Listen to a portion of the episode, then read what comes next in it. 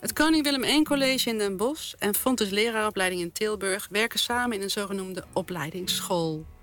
Dit houdt in dat studenten van de leraaropleiding niet alleen stage lopen op het Koning Willem I College, maar dat ze daar ook intervisie krijgen en lessen in vakdidactisch en pedagogisch handelen. Op het MBO is diversiteit de standaard.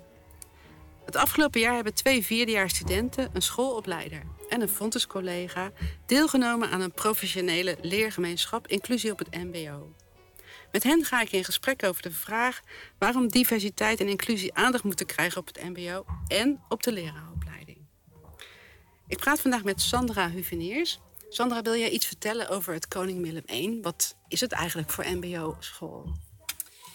Nou, het MBO zegt het al, middelbaar beroepsonderwijs. De studenten worden hier opgeleid om te gaan werken, nou zeg het, automonteur, verpleegkundige, uh, in de detailhandel. Het maakt niet uit, maar allemaal MBO-opleidingen. En ook verschilt het in niveau. Dus we hebben niveau 1 studenten hier en niveau 4 studenten hier.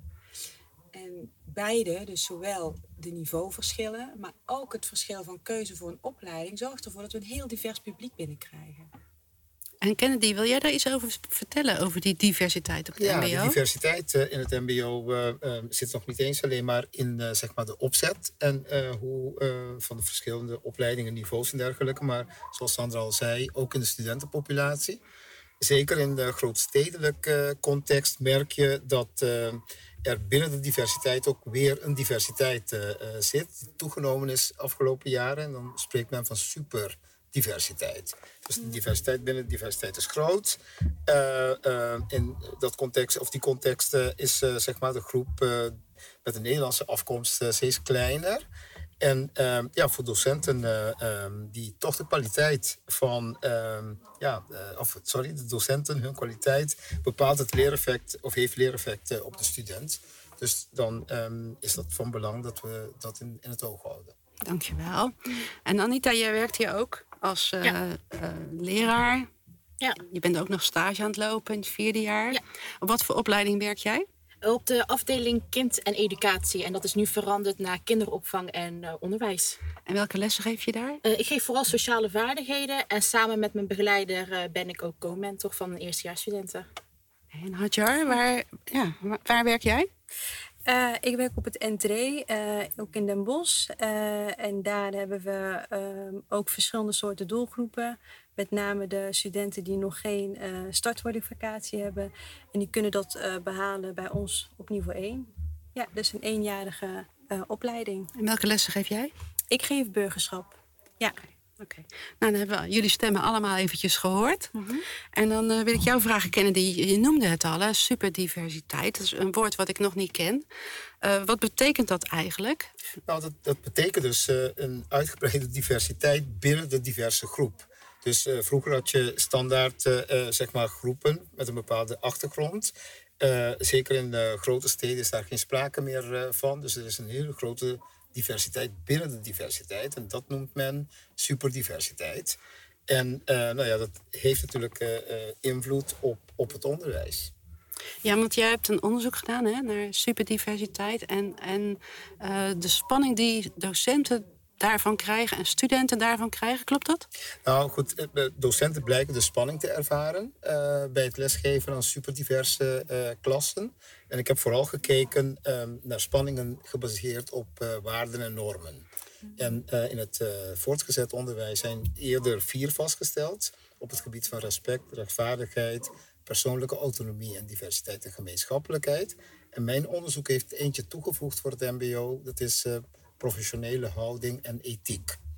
Uh, dus we praten nu over vijf uh, type spanningen die op dat gebied uh, kunnen bestaan. En, en, en wat voor spanning moeten we dan aan denken als je het hebt over die laatste die, die jij hebt toegevoegd? Nou, professionele houding. En ik denk dat Sandra daar een heel mooi voorbeeld van heeft. wil je dat zelf vertellen? ja, is goed. Nou, het is een voorbeeld van uh, toen ik kwam werken op het Koningin 1 College. En dat is natuurlijk al een hele tijd geleden, ik denk uh, 17 jaar. Maar in een andere vorm geldt het voor mij nog iedere dag. Het voorbeeld van toen, wat voor mij in ieder geval heel leerzaam is geweest, is ik kwam uit de jeugdzorg. Dus was gewend om met uh, ja, jongeren te werken die flinke problematiek hadden en ook gedragsproblemen hadden. En ik ging hier werken op de opleiding Sociaal-Cultureel Werk. In een hele diverse groep met, met allemaal verschillende culturele achtergronden. En ik stond ineens met lege handen. Ik begreep gewoon niet uh, hun manier van communiceren met elkaar. Uh, ik kreeg niet echt contact met ze. Ik zei toen vaak, ik krijg de vinger er niet achter. Uh, ik begreep ze niet. En dat maakte me heel onzeker en riep dus uh, ook die spanning op waar, waar Kennedy het over heeft. Ehm, nou, door daarna te kijken, met collega's over te hebben, ging ik zien dat het te maken had met dat zij op een andere manier communiceren. Dat ze andere codes hebben. Als je het hebt over normen en waarden, daar zitten die codes ook in. En die worden vaak, codes worden vaak, ontstaan vaak door normen en waarden van mensen. En ik kende die codes niet. Ja. En zij, zij vertelde mij die codes in eerste instantie ook helemaal niet. Want ik hoorde niet bij hun. En dat heb ik tegen hen gezegd. Ik heb tegen aan hen gevraagd. Van, goh, ik sta hier met lege handen. Ik begrijp jullie niet en ik ken jullie codes niet. Willen jullie mij dat leren? En ik heb in de lessen toen het ingevoegd, we zijn gaan koken.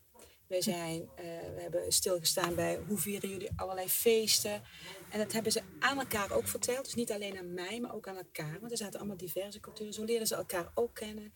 Nou, en dat heeft mij heel veel gebracht. En ik merkte stap bij stap dat ik hen steeds beter leerde kennen. Dat ik de codes ging begrijpen. En daar zit het voor mij op, op dat begrijpen. Je hoeft het niet mee eens te zijn. Maar dat je het begrijpt, daar gaat het om. Als het gaat over die professionele houding en ethiek, heb ik een ander uh, voorbeeld uh, uh, ook. Stel je voor, je bent doktersassistent. in bepaalde culturen, als er iets met het been aan de hand is, dan begin je mee van de been. Ziet er zwart uit, ziet er niet zo best uit, et cetera. Eindigt toch bij dat het been eraf moet. Terwijl misschien van je verwacht wordt dat je binnenkomt en meteen zegt dat het been moet eraf. En dan ga je daarna verzachten.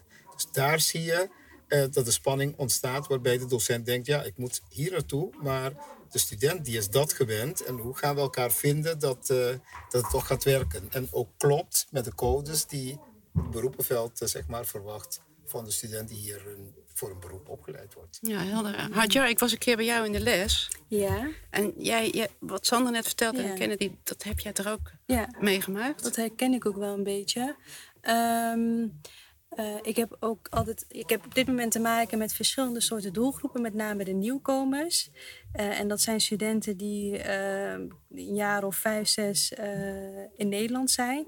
Dus dat betekent dat er een, ja, de nieuwkomers die komen uit landen van verschillende afkomsten. die hebben een andere taal, die hebben een andere cultuur. Dus moet je nagaan, een klas vol met andere afkomsten. En ik merkte ook aan het begin van het schooljaar dat ik ze gewoon niet te pakken kreeg. Uh, ik, ik, ik, er waren geen, uh, op dat moment voelde ik ook geen raakvlakken. Uh, er was geen contact. Ik gaf les. De, de, les is afgelopen en ja, het was, het was heel oppervlakkig. Ik kreeg geen contact met de studenten. En normaal gesproken heb ik dat wel altijd in mijn afgelopen stagejaren gehad. Dus dat, ja, dat, uh, dat, dat, raakte me ook wel een beetje. Ik denk, hè, hoezo kan dat niet? En hoezo lukt mij dat ook niet? Want normaal lukt me dat wel. Mm. En uh, wat jij ook zegt, Sandra, ik, op een gegeven moment denk ik ook, ja, hoe komt dat? En ben ik het ook gaan vragen aan de studenten zelf van, um, uh, wat doe ik verkeerd en wat missen jullie? Of, of wat, wat willen jullie bij mij terugzien? Of, dus ook dat een stukje kwetsbaar openstellen eigenlijk. En uh, ook een stukje van mezelf laten zien. Want uh, ik ben ook iemand met een andere achtergrond. En uh, op het moment dat ik dat liet zien, uh, merkte ik wel dat de studenten daar heel ehm, ja, Wat is dan jouw andere achtergrond? mijn ouders die komen uit Marokko. die zijn daar geboren en in de jaren 80 hier naartoe gekomen. Dus ik ben wel zelf hier opgegroeid en geboren. Uh, dus ik heb wel uh, uh, bepaalde waarden en normen en cultuur meegekregen vanuit huis. en op het moment dat ik die liet zien, dat ik die ook heb, um, ja, waren er wel bepaalde raakvlakken en contact. En, ja. Dus zij stonden daar wel voor open. Dus dat was wel grappig om te zien. Ja. ja, ik kan me daar ook wel heel erg in vinden. Want ik heb natuurlijk ook een andere achtergrond. Mijn ouders komen uit Iran. Ja. En die zijn wat 35 jaar geleden hier naar Nederland gekomen. Dus ik ben zelf ook in Nederland geboren. Dus ik begrijp wel een beetje waar Raja vandaan komt. Ehm, in de zin van ook, je hebt ook een soort van conflict met jezelf. Want Ja. je past niet echt bij de Iraanse mensen, laat ik Ja. het zo maar zeggen. Want je bent te Nederlands voor ze. Ja. En in Nederland ben je dan weer te Iraans voor die mensen. En daardoor hebben wij misschien ook een voorsprong... waardoor wij die studenten bijvoorbeeld op het entree beter kunnen begrijpen. En ook gewoon studenten in het algemeen. En Ho- Hoezo dan? Hoezo dan? Nou, je begrijpt dat, dat die conflict er gewoon vooral is. Want vanuit ehm, hun eigen land hebben zij bijvoorbeeld normen en waarden geleerd. En in Nederland krijg je bijvoorbeeld totaal andere misschien normen en waarden. Ja. Zoals hier eh, is het normaal om een hand te geven. Terwijl bijvoorbeeld in Iran of zo, of eh, in andere islamitische landen misschien... zou een man een vrouw niet zomaar een hand geven. Ja. Dus die conflict die ontstaat daar al om, de kleinste dingen al. Wat voor ons heel normaal als het Ik ware denk dat is. het ook een beetje zoekende is in wat laat je van jezelf zien. Ja, En op het moment dat je weet wat, wat, je, wat je wil laten zien Ja. en wat je kan laten zien en wat, wat, eh, ehm, eh, ja, waar je voor open staat. Mhm. En ik denk dat als je, als je dat gevoel hebt, dan. eh, want ik was op het begin wel zoekende aan met, ja, zoals je zegt, welke normen en waarden heb ik eigenlijk? Ja. Snap je? Je begint daar echt over Ja. na te denken. Zoals je zegt, ja, in, eh, in, bij andere eh, culturen, eh, dan doe je dit. Mhm. De cultuur die zij hebben, die komen misschien wel overeen, maar die, Ja. zij- die van ons, die zijn inmiddels verwesterd, om het Klopt. zo even te zeggen. Eigenlijk ben je ook een beetje onbewust dan een rolmodel voor die studenten. Want ze Ja. kunnen misschien dan ook van, oh, ze begrijpen mij ook een beetje, die Ja. docenten. Ze hebben zelf ook een andere afkomst. Dus ze kunnen misschien, ja, dat die, dat die connectie Ja. dan beter is, zeg maar. Ja. Dus ik denk dat wij daar stiekem gezegd wel een voorsprong in kunnen hebben ook. En dat we dat en ook een mogen uiten. Ja. Ja. En als je dit dan eh, eh, hoort, eh, kijk, jullie geven zelf aan eh, een andere achtergrond, die heb ik zelf ook. Maar er blijkt uit een heel groot onderzoek, een talisch onderzoek, dat maar 17% van de docentenpopulatie in Nederland zich comfortabel voelt in een eh, cultureel diverse klas. Dus dat is een heel laag percentage. En eh, ja, dat heeft verschillende oorzaken. Een van de dingen die genoemd eh, wordt, is dat er op de lerarenopleiding nog wel eh, wat meer mag Ja. eh, gebeuren. Ja. Daar ben ik het ook echt op, mee eens. op dat gebied. En Ja. eh, in mijn onderzoek hebben we in ieder geval laten zien dat eh, kennis helpt. Dus eh, ik heb een verband gevonden met eh, als je veel kennis hebt, dan ervaar je minder spanning. Want dan snap je dingen gewoon. Een voorbeeld, eh, respect tonen in bepaalde culturen is niet aankijken. ja. Mhm. Je hebt een conflict met een docent en die zegt, kijk me eens aan. en allebei de partijen hebben de goede bedoelingen. Ja. De ene die denkt, ik toon respect. Nou, de ander die ervaart als geen respect tonen. Ja. En daar ontstaat dan een conflict. Als je die kennis hebt, dan snap je tenminste waar het vandaan komt. En dan kun je nog steeds opsturen, maar je begrijpt het wel. Ja. En dat helpt al. Ja. Ja. Ja, ik denk kennis. Maar voor mij eh, hoort daar nog iets bij. En dat is namelijk ehm, ja, een bepaalde, nou ja, noem het maar even, openheid. Dat je eh, niet een waarde of een norm ergens aan verbindt. Wij zijn geneigd om vaak te vergelijken. Hè? Als je op vakantie gaat, oh dat hebben wij niet, oh dat doen wij anders. Hè? We zijn dat heel erg gewend van, nou, wij kennen alleen maar onze manier. En ik denk dat wanneer je open staat voor andere manieren, Ja. Ja. dat dat ook een pre is. Wat is openstaan dan? Hoe doe je dat dan? Nou, eh, wat ik tegen mijn studenten wel eens zeg, als, ze als ik merk dat ze heel normatief zijn of zo, dat ik zeg van, de ooievaar heeft jou laten vallen boven Nederland. Had hij jou laten vallen boven Marokko, dan was jij die Marokkaan geweest. En eh, waar je opgevoed wordt, daar ga je in geloven. Dat wordt jouw omgeving, dat wordt, jouw perspectief. Ja. Maar als je ergens anders opgevoed wa- was geweest, dan had je een ander perspectief. En als, je, als ze dat gaan, eh, ja, als ze dat gaan zien, dan komt er ook meer openheid. Dan gaat het niet om wat goed of fout is. Precies, ja. Eh, en dat probeer ik bij mezelf alsmaar eh voor ogen te houden. Probeer ik mijn studenten in het MBO mee te geven, maar ook de leraren in opleiding mee te geven. Is het cultureel besef? Ja, nou ook nog een stukje verder. Want we kunnen weten dat sommige eh, eh, ehm, studenten geen hand geven vanuit een stukje cultuur of religie of wat dan ook. Dat weten we inmiddels. Ja. Maar dat is het niet. Daar gaat het niet om. Nee. Nee, het gaat erom dat je dat, ja, dat, je dat veel meer ziet als van, nou oké, dat is zo. Dat, Ja. is, dat, dat hoort erbij. dat is niet iets fouts of iets geks, of dat doen we hier niet. Maar hoe kunnen we nou een omgeving creëren dat degene die geen hand geeft, toch ook een plek krijgt op ons MBO? En ook een beroep kan leren en uiteindelijk het werkveld in kan gaan. Ook al geeft hij geen hand. Ja, want het doel van de handgeven is contact maken. Bijvoorbeeld, en hoe kun je dat op een andere manier doen? Ja, dan praat je dus eigenlijk over een inclusieve, eh, eh, inclusief eh, context, eh, waarbij eigenlijk iedereen de mogelijkheid krijgt om vanuit het eigen talent zich, zeg maar, ook te ontplooien. Maar dan moet de houding van de omgeving wel zo zijn dat het inclusief mag zijn. Juist. Een ja. term wat je daarbij heel vaak hoort is de sense of belonging. Hè, In hoeverre voelt iemand zich gewoon geaccepteerd? eh, hè? Eh, En dat is direct van invloed op het welbevinden, maar ook functioneren van een student. Dus met andere woorden, als, eh, als we daaraan werken, nooit alleen diversiteit noemen, maar altijd in combinatie met inclusie. Ja, dan zegt Kennedy wel iets heel moois in, vooral het stukje talent. We kijken vooral heel veel naar wat het schoolsysteem van de studenten wil, wat de docenten van de studenten willen, in plaats van te kijken wat wil de docent, eh, wat wil de student. En wat voor talenten heeft die student? En laat de student dan aan de hand van die talenten dan ontwikkelen. Want dan, dan ontstaat er dus iets moois, waardoor iedereen dus erkend wordt ook voor wie die is. Ja, want jij had in jouw klas toch ook zo'n eh, situatie. Ja, klopt. Wil je daarover vertellen? Ja, tuurlijk. Ehm, bij de studentenbespreking kwam vooral naar voren dat mijn mentorklasje dan ehm, best wel veel negatief naar voren kwam. Docenten hadden een negatieve blik naar de studenten toe. Ehm, waarvoor ik dus dan samen met mijn begeleider dacht van we moeten hier iets mee. En eh, aan de hand van deze groep, met deze mensen waar ik hier nu zit, hebben we, zijn we tot de conclusie gekomen om een gesprek met die studenten aan te gaan. En ehm, ik ben het gesprek aangaan ook om te vragen van wanneer voel je je nou echt welkom in een groep. En ik merkte ook ehm, tijdens dat gesprek dat ik zelf ook door die negatieve invloed van anderen, dat ik zelf ook negatief naar de studenten ging kijken. En dat vond ik persoonlijk heel erg jammer. En dan heb ik ook teruggekregen van de studenten dat het vooral naar het negatieve werd gekeken in plaats van wat zijn mijn de eh, ta- eh, talenten, wat zijn mijn kwaliteiten, wat doe ik nou wel goed.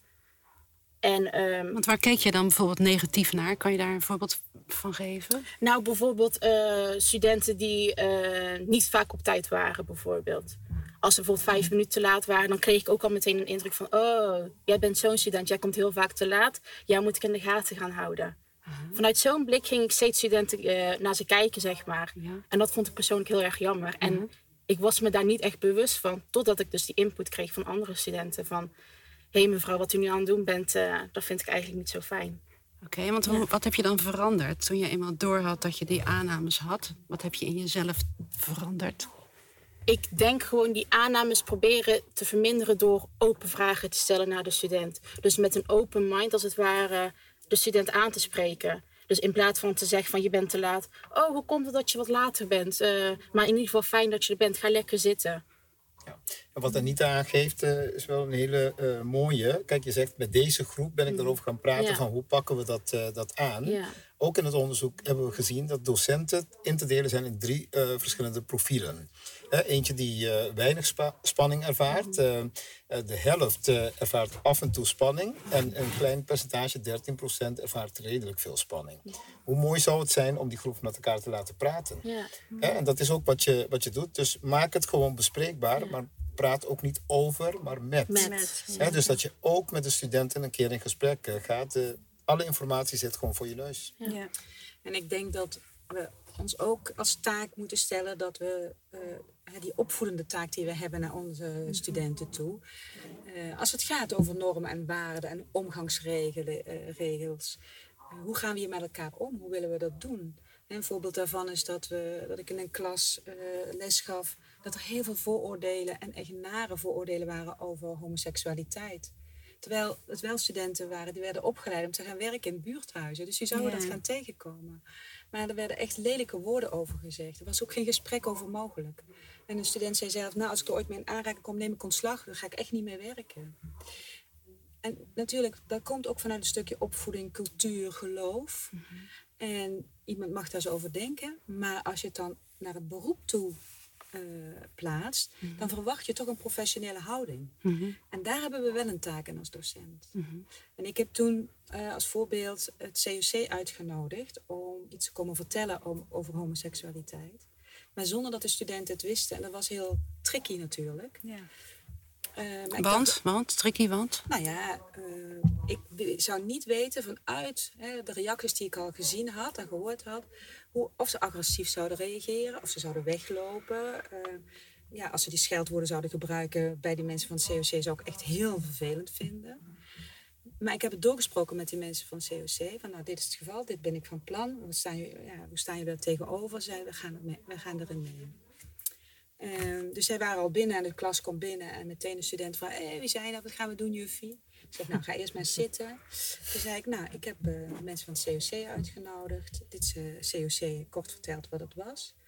Ik, en heb ook meteen verteld waarom ik het u niet verteld heb. Dus ik zei, ik heb jullie dit niet verteld omdat ik bang was dat jullie niet zouden komen. Ik wil heel graag dat jullie hier zijn en blijven. Ik hoop dat jullie dat willen doen. En dat hebben ze gedaan. En zij zijn blijven luisteren. Ze hebben geen opmerking gemaakt. Een aantal studenten hebben zelfs een paar vragen gesteld. Toen zijn de mensen van het COC zijn weer weggegaan. En toen heb ik tegen hun gezegd, dit is het. Dit is het enige wat ik van jullie verwacht.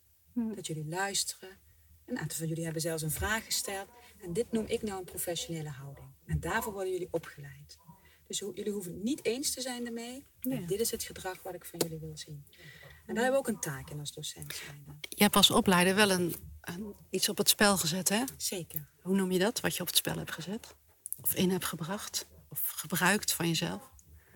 Bedoel je, eh, Je wat, heb je, wat heb je gedaan om dat te doen? Wat, wat, vroeg, wat vroeg het van jou? Eh, nou, als je het hebt over inclusie. ehm, iedereen hoort erbij. Dus ook, ik weet niet of je dat bedoelt, maar Nee. goed, dat roept het nu het eerste bij mij op. Iedereen, dus ik, ik wil heel erg op- graag opkomen voor alle groepen. Ja. Dus Ja. ook voor mensen met een eh, homoseksuele eh, eh, geaardheid. Ja. Ja, dat. Ja, en, ik, en ik, ik, ik zie dat je moedig bent geweest. Want je hebt een risico gelopen. Ja. Ja. Ja. En waar haal je dat vandaan? Ja, waar haal ik dat vandaan? Ik denk omdat ik er toch op vertrouw, omdat ik het heel erg doe vanuit mijn hart. Eh, dat ik geloof in mijn eigen, dat klinkt misschien raar, maar in mijn eigen kracht om die relatie toch te blijven aangaan. En eh, als ik kijk naar de studenten waar ik het nu over heb, dus echt al een aantal jaren geleden, als ik ze nu nog eens tegenkom, en dan hebben we het echt over 15 jaar geleden, spreken ze me altijd aan. En juf, hoe is het met u? Eh, en door, ik heb ook gemerkt dat die relatie alleen maar beter werd. Dat ze mijn vertrouwen namen. Dat jongens zelfs kwamen en huilden omdat het thuis Ja. niet goed ging. Nou ja, dat is natuurlijk... Dus je opent eh, de Ja, wereld eigenlijk. Ja, Ja. ja. Jij mag er zijn en iedereen mag er zijn. Dat, ja. Ja, dat is veel mooier dan eh, zeg maar het gesprek uit de weg eh, gaan. Want er zijn ook collega's die dat dus lastig vinden. En dat is een ehm, spanning die wij getypeerd hebben als diversiteit en gemeenschappelijkheid. En die sommige onderwerpen dan maar uit de weg gaan omdat ze dat niet durven te doen. Maar eh, nou ja, wat Sander doet is gewoon ontzettend goed. Een advies zou kunnen zijn ook. Heel vaak docenten burgerschap die zijn eh, nogal thuis in gespreksvoering en dingen aanpakken. Maar als iets het eerste uur gebeurt, dan kun je niet zeggen wacht tot het zevende uur. Als er burgerschap is, dan gaan we het bespreken. Ja, want die zes uur daartussen moet iedereen ook gewoon normaal functioneren. Dus eh, ja. mooi zou zijn dat we gewoon met elkaar binnen het docententeam ook over moeilijke dingen praten. Van hoe heb jij dat gedaan? En dit kan een heel mooi voorbeeld zijn voor iemand anders om dat Ja. ook eh, op die manier te doen. Hebben jullie dat zo ook ervaren? Ehm, ja, en ik denk het allerbelangrijkste is dat je als docent er zelf ook voor moet openstaan. Zoals je zelf zegt, het komt uit je hart. Dus op het moment dat het niet uit je hart komt, kunnen andere docenten het wel tegen jou zeggen. Maar dan denk ik niet dat het eh, studenten voelen echt wel wanneer iets oprecht is. Denk ik. En op het moment eh, dat ze zien dat jij echt eh, voor, daar voor ze staat en dingen mee wil geven, dan staan. Ieder st- student zal daarvoor openstaan. Dat, dat eh, weet ik wel zeker. Heb je het ook teruggekregen van je studenten? Ja, absoluut. Op welke manier? Op het moment dat ze zien hoe ik mezelf eh, daar eh, kwetsbaar opstel of dingen over mezelf vertel, dan. ik geef bij wijze van 30% aan de studenten en ik krijg 70% terug. Zo voelt het. Dus laat staan als ik meer van mezelf zou laten zien. Zo ervaar ik het in ieder geval. Ja. Waren jullie als eh vierdejaars studenten hier nou goed op voorbereid? Ik denk ook, ehm, eh, hoe ik het heb ervaren de afgelopen vier jaar, ehm, heb ik heel veel geleerd over eh, de groepsdynamica in de klas. Ehm, ehm, eh, wat je moet doen bij ordeverstoring, zeg maar wat. Ja. Ik heb heel veel geleerd over de klas samen zelf. Maar ik, ik persoonlijk heb niet zoveel meegekregen. Wat moet je doen eh, als je eh, eh, tien verschillende studenten hebt met een andere afkomst? Hoe ga je daarmee om? Hoe ga je om met culturele diversiteit? Ja. Ehm, eh, hoe stel je jezelf dan op als docent? Ja. Ja. je leert de vijf of de zes rollen van de leraar. Ja. En daarin moet je jezelf uiteindelijk gaan ontwikkelen in hoe je, ja, hoe je jezelf gaat opstellen. Dat was een mooie quote van jou, eh, begreep ik. Eh, je leert niet aan wie je les geeft. Nee, ja, zo kun je het wel eigenlijk samenvatten. Je leert niet. Ja. Je leert wel aan wie je les geeft. En dan met wat, jij, wat Anita dan ook zegt. Als het gaat om bepaalde eh stoornis, wat ook echt goed is. Maar anno 2023 heb je te maken met veel meer soorten studenten. Ja. En dat stukje mis, eh mis En ik. ik mis ook gewoon het stukje van... We kijken dan vooral naar de stoornis, naar de problematieken dat, dat de student heeft. In plaats van wederom de talenten of wie de student Ja. nou daadwerkelijk is. En dat stukje miste Ja. ik vooral heel erg. Dat vind ik wel een mooie, die laatste. Want wij zoeken natuurlijk een beetje naar, naar een, een, ja, een oplossing. Hoe kunnen we nou de studenten beter voorbereiden? En ik denk dat eh, anno 2023 we niet alleen te maken hebben met hè, de culturele diversiteit. Ja. Ik worstel op dit moment bijvoorbeeld echt met generatie Z. Het staat Ja. zo ver bij mij vandaan. Wat is generatie Z? ja, ja hè, en, eh, en de invloed op dit moment van social media is zo enorm Ja. als het gaat over eh, meningsvorming en, en zelfs het effect op waarden en normen van, eh, van studenten. Hè. Ja. En studenten staan vaak lijnrecht tegenover elkaar in, eh, in de lessen, waardoor ook geen discussie bijna meer Bijna, mogelijk is. En, en nu zeg jij dat, van die talenten, en denk misschien ligt daar wel de oplossing, dat we niet weer les gaan geven over culturele diversiteit of generatie Z, maar veel meer les gaan geven over hoe kun je nou meer kijken naar de talenten die iemand heeft Ja. en ook nieuwsgierig zijn daarnaar, naar de talenten van een student, dan alleen maar bezig zijn, oké, welke normen en waarden heeft hij en hoe kan ik daar dan op inspelen. Dat vind ik eigenlijk wel een hele mooie, Anita. Ja. Ja. Ja, mee eens. Wat ja. geef je nog mee aan de opleiders die de volgende generatie docenten eh, beter begeleid om te gaan werken op het MBO? Wat geven jullie met z'n allen, met z'n vieren, daarin mee? Ik zou sowieso starten bij de docentenopleiding. Dus de stagiaire, laat ik het zo maar even noemen. Dat de stagiaire ook moet starten met eh, lesgeven vanuit diegene's kwaliteit. Dus als relatie je kwaliteit is, start ook met de relatie. En ga dan aan de hand daarvan verder met je leerproces, met je ontwikkeling. Ik zou daarmee starten. Kijk naar je eigen kwaliteiten en talenten en benut die dan ook vooral. Ja, inderdaad. Ja, en wees jezelf gewoon. Ik bedoel, je kan wel heel veel dingen gaan eh, uitvoeren die je hebt geleerd op, eh, op school. Maar ik, ik heb, ehm, ja, door jezelf te zijn, leer je ook je eigen kwaliteiten en eigenschappen beter eh, ontwikkelen. En dat kan ook een positief effect hebben op de studenten. En wat is dan jezelf zijn? Ja, laat, laat dat stukje, eh, alles wat je eh, vanuit school hebt geleerd, laat dat los. En durf een stapje verder te nemen. In plaats van, oh, pas op, eh, deze vraag moet je echt niet stellen hoor. Want daar is de grens. Ik bedoel, als jij het gevoel hebt dat je die vraag kan en mag stellen, ja, dan zie ik daar geen. En dan bedoel je de grens van wat is nog van de docent en wat is privé? Bedoel je die grens? Ehm, ja, kan ook onder andere. Maar ook bijvoorbeeld als je... eh, ehm, als je eh, eh, ja, privégesprekken hoeven natuurlijk niet altijd heel diepgaand te zijn. Maar als je iets over jezelf wil vertellen en je wilt dat graag aan de studenten vertellen, ja, doe dat gewoon. En, en dat stukje privé en, en, privé en werk te erg gescheiden houden, dat heb ik in ieder geval losgelaten. Ja.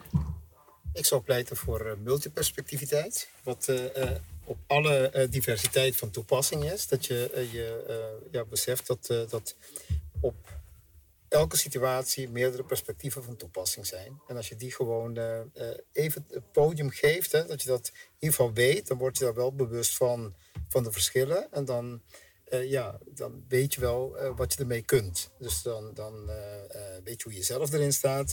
Je weet hoe de, de andere partij zeg maar, erin staat. En nou ja, vind dan de weg. Kijk, anders dan wanneer je denkt dat is één perspectief, dat ben ik. En zodra ik die deur dicht doe, uh, is het enige wat geldt wat ik vind. Ja. Dus de houding. Ja, als leraaropleider uh, is het eerste waar ik aan denk is practice uh, what you preach. En, en dat is makkelijker gezegd dan gedaan. Maar als we ervan uitgaan dat meaning en belonging de belangrijkste aspecten zijn in het leven van iedereen, hè, dus voor jou als docent, maar ook voor de studenten die je opleidt, als je van daaruit uh, de ander benadert en, en, en uh, focus op talenten, hè, datgene wat er is, denk ik dat je al, uh, al een hele belangrijke stap zet. Wat mij persoonlijk iedere keer weer opnieuw helpt, is ehm, dat, ik, dat ik de vraag stel. De vraag aan de ander. Hè? Wie ben jij? Wat wil jij? Wat kan jij? Uh, hè? Maar ook de vraag aan mezelf. Zo, oké, wat, wat, uh, ja, wat lukt mij niet? Of wat zou ik graag willen? Uh, dus ook een stukje reflectie naar mezelf toe. Ja. Maar vooral dat vragend opstellen brengt mij iedere keer weer een stap verder. Ja. Dank jullie wel. Ik ga het gesprek oprollen, zoals ik het altijd noem. En uh, we hebben net gehoord dat uh, diversiteit een gegeven is in onze samenleving. Dat wordt alleen maar sterker. En het is de taak van het, van het onderwijs, denk ik, maar hoor ik jullie ook zeggen, om jonge mensen te leren om respectvol met elkaar om te gaan, elkaar niet uit te sluiten, ook al zijn andere mensen anders. Dat is niet iets wat je vanzelf kunt. Dan moet je oefenen, dan moet je leren. En docenten hebben hierin een belangrijke rol als voorbeeld, zoals jullie net al zeiden, en ook als pedagoog. Ons verzoek aan Vlot is om het curriculum, in het curriculum meer aandacht te geven aan het ontwikkelen van een inclusieve houding en handelingsbekwaamheid. En mijn vraag is aan iedereen die nu luistert: wil je hieraan bijdragen? Neem dan contact op met Kennedy Tielman, k.tielman.fontis.nl of met mij, Karin Veroude, k.veroude.fontis.nl.